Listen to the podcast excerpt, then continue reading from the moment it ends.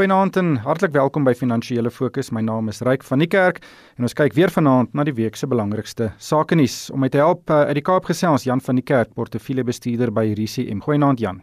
Hallo Ryk. En uit Pretoria gesels Dawie Klopper, beleggingskenner by PSG. Goeienaand Dawie. Goeienaand Ryk en ook so aan Jan en al die luisteraars. Ek wil vanaand se gesprek begin oor 'n baie duidelike tendens wat aan die ontwikkel is en wat basies alle beleggers iets wat ongemaklik moet stem en dit is die onderprestasie van die JSE teenoor die meeste wêreldmarkte en dit is in dollar en in rand terme. Jan, ek kyk hier na statistiek wat uh 1 maand, 6 maande, 1 jaar, 3 jaar en 5 jaar tydperke die JSE se vertoning vergelyk met um, ander ontleikende markte, Amerikaanse markte veral die S&P 500 en ook markte in Europa op al hierdie tydperke onderpresteer die JSE in rand en in dollar terme. Wat is die grondliggende redes hiervoor? Ja, ek ek dink die die punt wat jy ook maak is die prestasie van die Suid-Afrikaanse aandele die sluit in uitstekende prestasie van 'n paar groot maatskappye wat hoofsaaklik hulle inkomste en hulle waarde buite Suid-Afrika se grense genereer soos Naspers byvoorbeeld in Richmond. As jy dit uitsluit dan lyk die prentjie eintlik nog baie erger.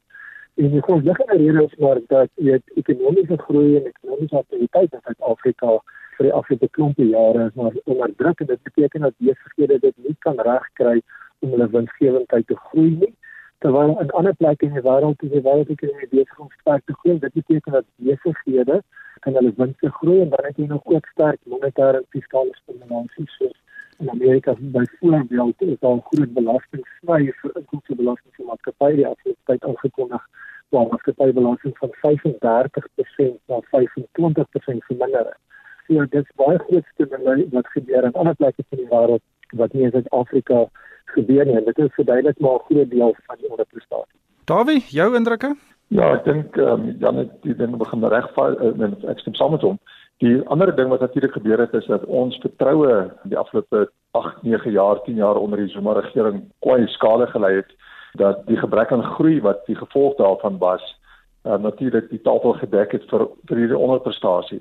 Maatskappye kon nie groei in hierdie omstandighede nie. Hulle um, en soos jy nou reg gesê het, ander lande het aktief hulle maatskappye aangemoedig of die omgewing geskep waarbinne hulle kon goed vaar en ons het dit nie gedoen nie. Ons is onder druk deeltyd om inkomste te tap uit belastingbetalers uit en ehm um, want die land is so onproduktief.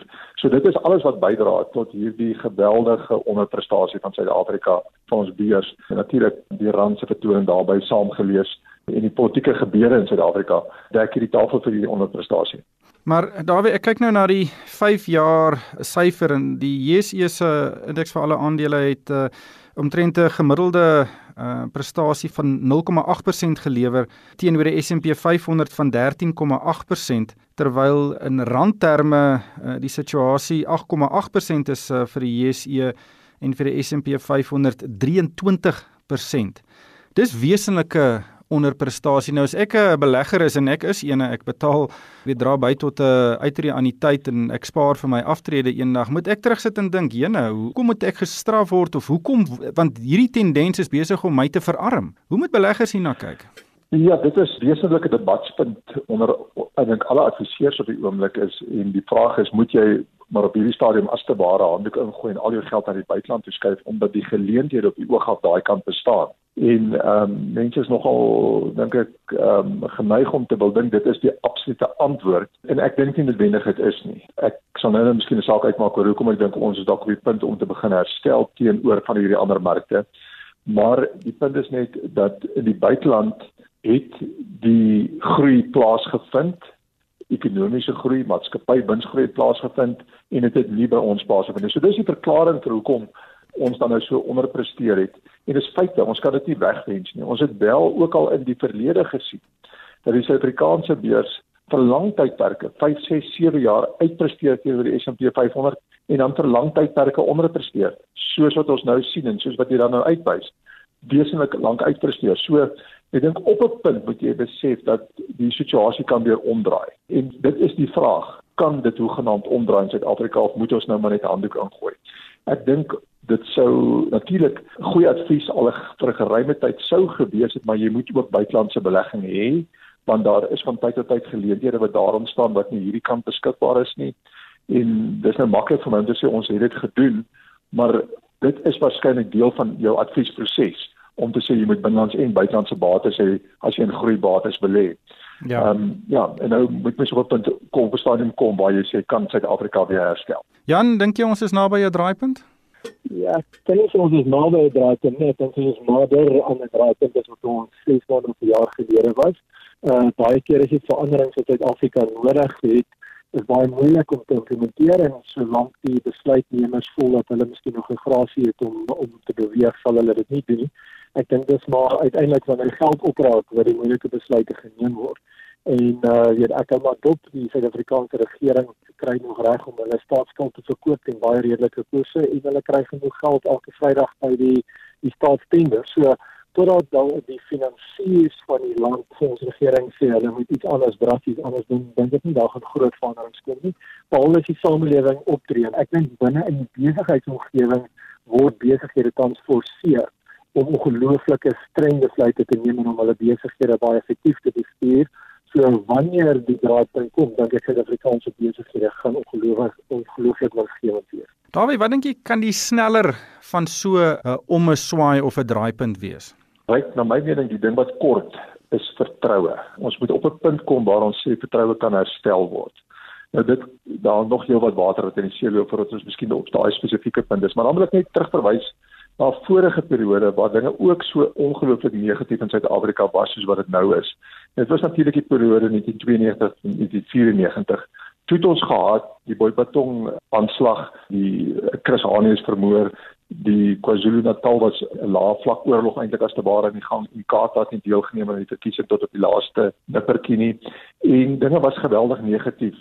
Mense het blikkies kos bymekaar gemaak gasbottels volgemaak so daar was onsekerheid wat geheers het. Maar nogtans het die beurs in hierdie onsekerheid in die 3 maande tot einde Desember van 1993 voor die verkiesing van 94 met 37% gaan styg want die mark het die goeie uitslag van die 94 verkiesing voor die tyd ingeprys.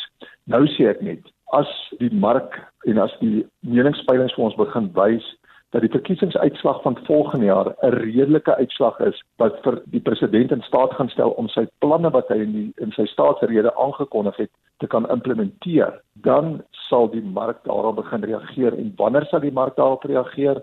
Na my mening sodra die verkiesingsdatum bekend gemaak word as die markte dit dink die uitslag gaan dit ondersteun wat ek nou gesê het. En dit is nou my mening die punt waar ons hierdie geweldige waarde wat in Suid-Afrika aan die opbou is, gaan begin sien ontsluit word want na die verkiesing, as dit 'n goeie uitslag is, kan die private sektor begin investeer en kan die ekonomie aan die gang kom maar die mark gaan dit voor die tyd inprys. Ons moenie wag totdat daai goed gebeur nie. Ja, ek dink ons kan die hele aand daaroor gesels. Uh, maar Jan, kom ons kyk 'n bietjie terug in Suid-Afrika. Ons het hierdie week 'n inflasiesyfer van 5,1% vir Junie gesien. Dit is die hoogste in omtrent 'n jaar. Dit is verwag en dit het grootliks gestyg vanweë die uh, skerp stygings in brandstofpryse. Is jy bekommerd oor oor hierdie syfer? Ja, ek sê regtig bekommerd. Ek dink die brandstofpryse was 'n kombinasie van olie en en swakker geldeenheid ek dink as jy vorentoe kyk, eh, dan kan jy sien dat daar miskien verdere koste druk inflasie in die stelsel inkom, maar dit is onwaarskynlik dat ons weghardloop inflasie in die oogstaar in Suid-Afrika op die oomblik.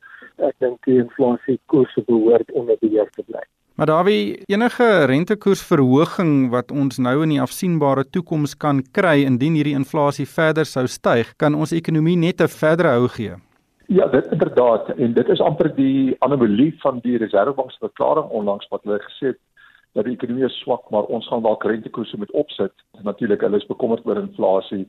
Hulle wil graag ook die, op 'n manier dan die rand beskerm deur dan te sorg dat die rentekoerse meer dingend bly met die res van die wêreld. Net 'n belangrike punt oor die inflasiekoers is ek die kerninflasie het nie vreeslik gestyg in die vorige maand nie van 4.2 na 4.3 toe. So dit is van nou 'n funksie van die brandstofpryse en hierdie ingevoerde pryse wat 'n lol op die op die hoofvleinflasie het vlak. Ja, die Reservebank sê die hele tyd hulle gaan na rentekoerse moet verhoog. Dit sou is onverzoenbaar met die stand van die ekonomie. Maar as dit is wat nodig is om stabiliteit te bevestig in die land, dan moet dit miskien gebeur. Ons kan nie 'n Turkye toelaat waar die Reservebank populisties sou optree en nie die regte ding doen nie. want dit is wat in Turkye gebeur. Die Reservebank het nie gereageer toe hulle moes nie en dit al haar die swak wisselkoers tot gevolg gehad. Ja, ek dink ook die uh, Erdogan, die president het ingemeng by die Reservebank en uh, die onafhanklike mandaat baas by die venster uitgegooi. Dis reg en dis waar die populisme na vore gekom het, sy in, inmenging. En as ons enigstens gesien word hier inmeng in ons Reservebank se besluite van van owerheid se kant af, dan sal dit geweldig negatief wees. Ja, ja natuurlik is daar dalk 'n ontwikkeling wat in hierdie konteks so geïnterpreteer kan word en dit is die moontlike nasionalisering van die Reserwebank en die uitkoop en of afvat van aandele by private aandeelhouers. Wat is jou siening daaroor en hoe kan dit die persepsies van onafhanklikheid beïnvloed? Ja, ek dink daar is 'n verskil tussen die persepsie en die realiteit. Ek dink die Reserwebank weet alhoewel dit privaat besit word, is in elk geval onafhanklik en ek dink Suid-Afrika se Reserwebank is een van die min sentrale banke in die wêreld wat onafhanklik optree. So of weet en by facto weet is dit reeds deel van die staatsmasjinerie. So of die Reservebank se aandele genasionaliseer word gaan ja deel waarskynlik bitter min in praktyk verander, maar ek dink die sentiment rondom dit kan 'n baie groot skade faktor wees vir ons ekonomie en vir persepsie internasionaal. Ek weet nie wat Dawie daarvan dink. Dawie? Ja, die monetêre beleid behoort nie beïnvloed te word as hulle dan nie die Reservebank se nasionaliseer nie. Um, die monetêre beleidsvoering is in elk geval onafhanklik van die struktuur van die Reservebank soos wat dit nou staan en dit behoort nie beïnvloed te word. Maar soos Jan reg sê die sentiment en die boodskap wat jy uitstuur wanneer jy dit doen en sou jy dit doen sal as 'n negatief gesien word omdat dit van die EFF afkom wat dit vra. Dat hulle dikteer daai stukkie agenda op die oomblik.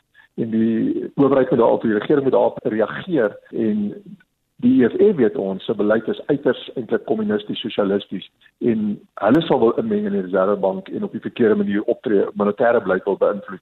En dit sou ongelukkig die persepsie wees wat kan ontstaan as dit gebeur. So die tydsberekening hiervan sal nie nou goed wees nie. Alhoewel Jan tereg gesê het, dink as maar 8 lande in die wêreld wat privaat besit van hulle reservebank toelaat. Ja, ek dink uh, mense sal ook die ANC se reaksie moet sien. Dit lyk baie keer of die of die ANC nie werklik wil opstaan teen die EFF nie en dis nog 'n baie interessante ontwikkeling.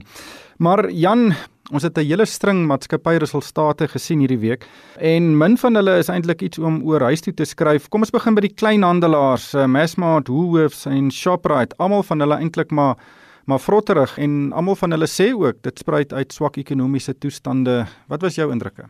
Ja, ek dit is reg. As jy die lees uh, by Woolworths wat die mense miskien net 'n bietjie u kyk na die Suid-Afrikaanse besighede en ignoreer hoeveel ek gehad het hulle in Australië verloor het met 'n aantal van daai jong.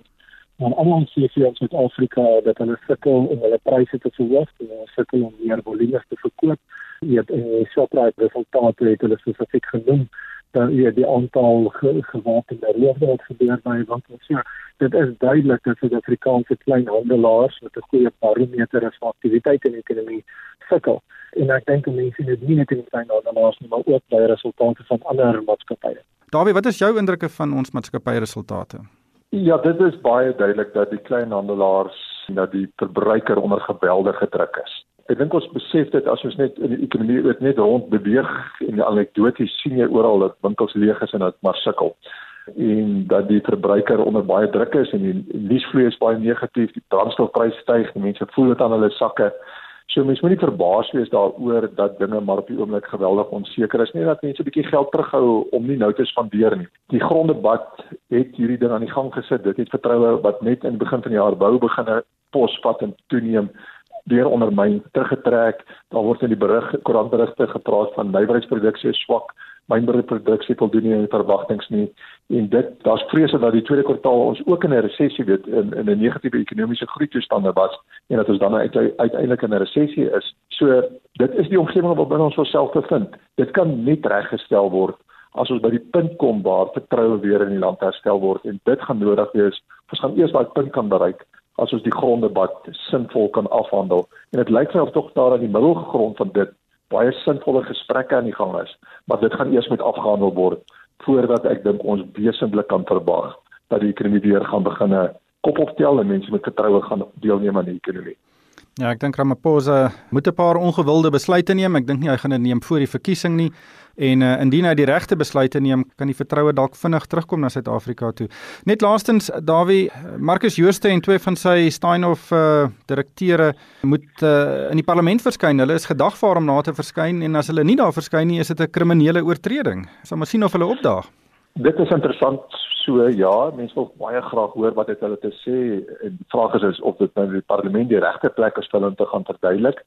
Ek is nie heeltemal seker dat dit die regte plek is nie. Mense wil hê die proses rondom hulle wat moet aan die wat moet aan besig is om te gebeur, die ondersoek van van die auditeure dat dit moet afgehandel word dan tot 'n punt kom waar daar aanklagte teen hulle formeel gelê word sodat die saak behoorlik in howe debatteer kan word dat ons by die regte antwoorde kan uitkom. Ek is nie seker of die parlement by die regte antwoorde gaan kan uitkom nie. Ek dink ons almal weet eintlik al klaar wat het gebeur in 'n groot mate sal nie verras word met die feite wat na vore kom nie. Dan is die punt maar net baas die regte plek om hierdie saak aan te hoor en dit verhoor en by antwoorde vir ons uit te bring. Ongelukkig het die tyd ons ingehaal. Baie dankie aan Jan van die Kerk van RCM en Dawie Klopper van PSG en van myself Ryk van die Kerk. Dankie vir die saamluister en ek hoop almal het 'n winsgewende week.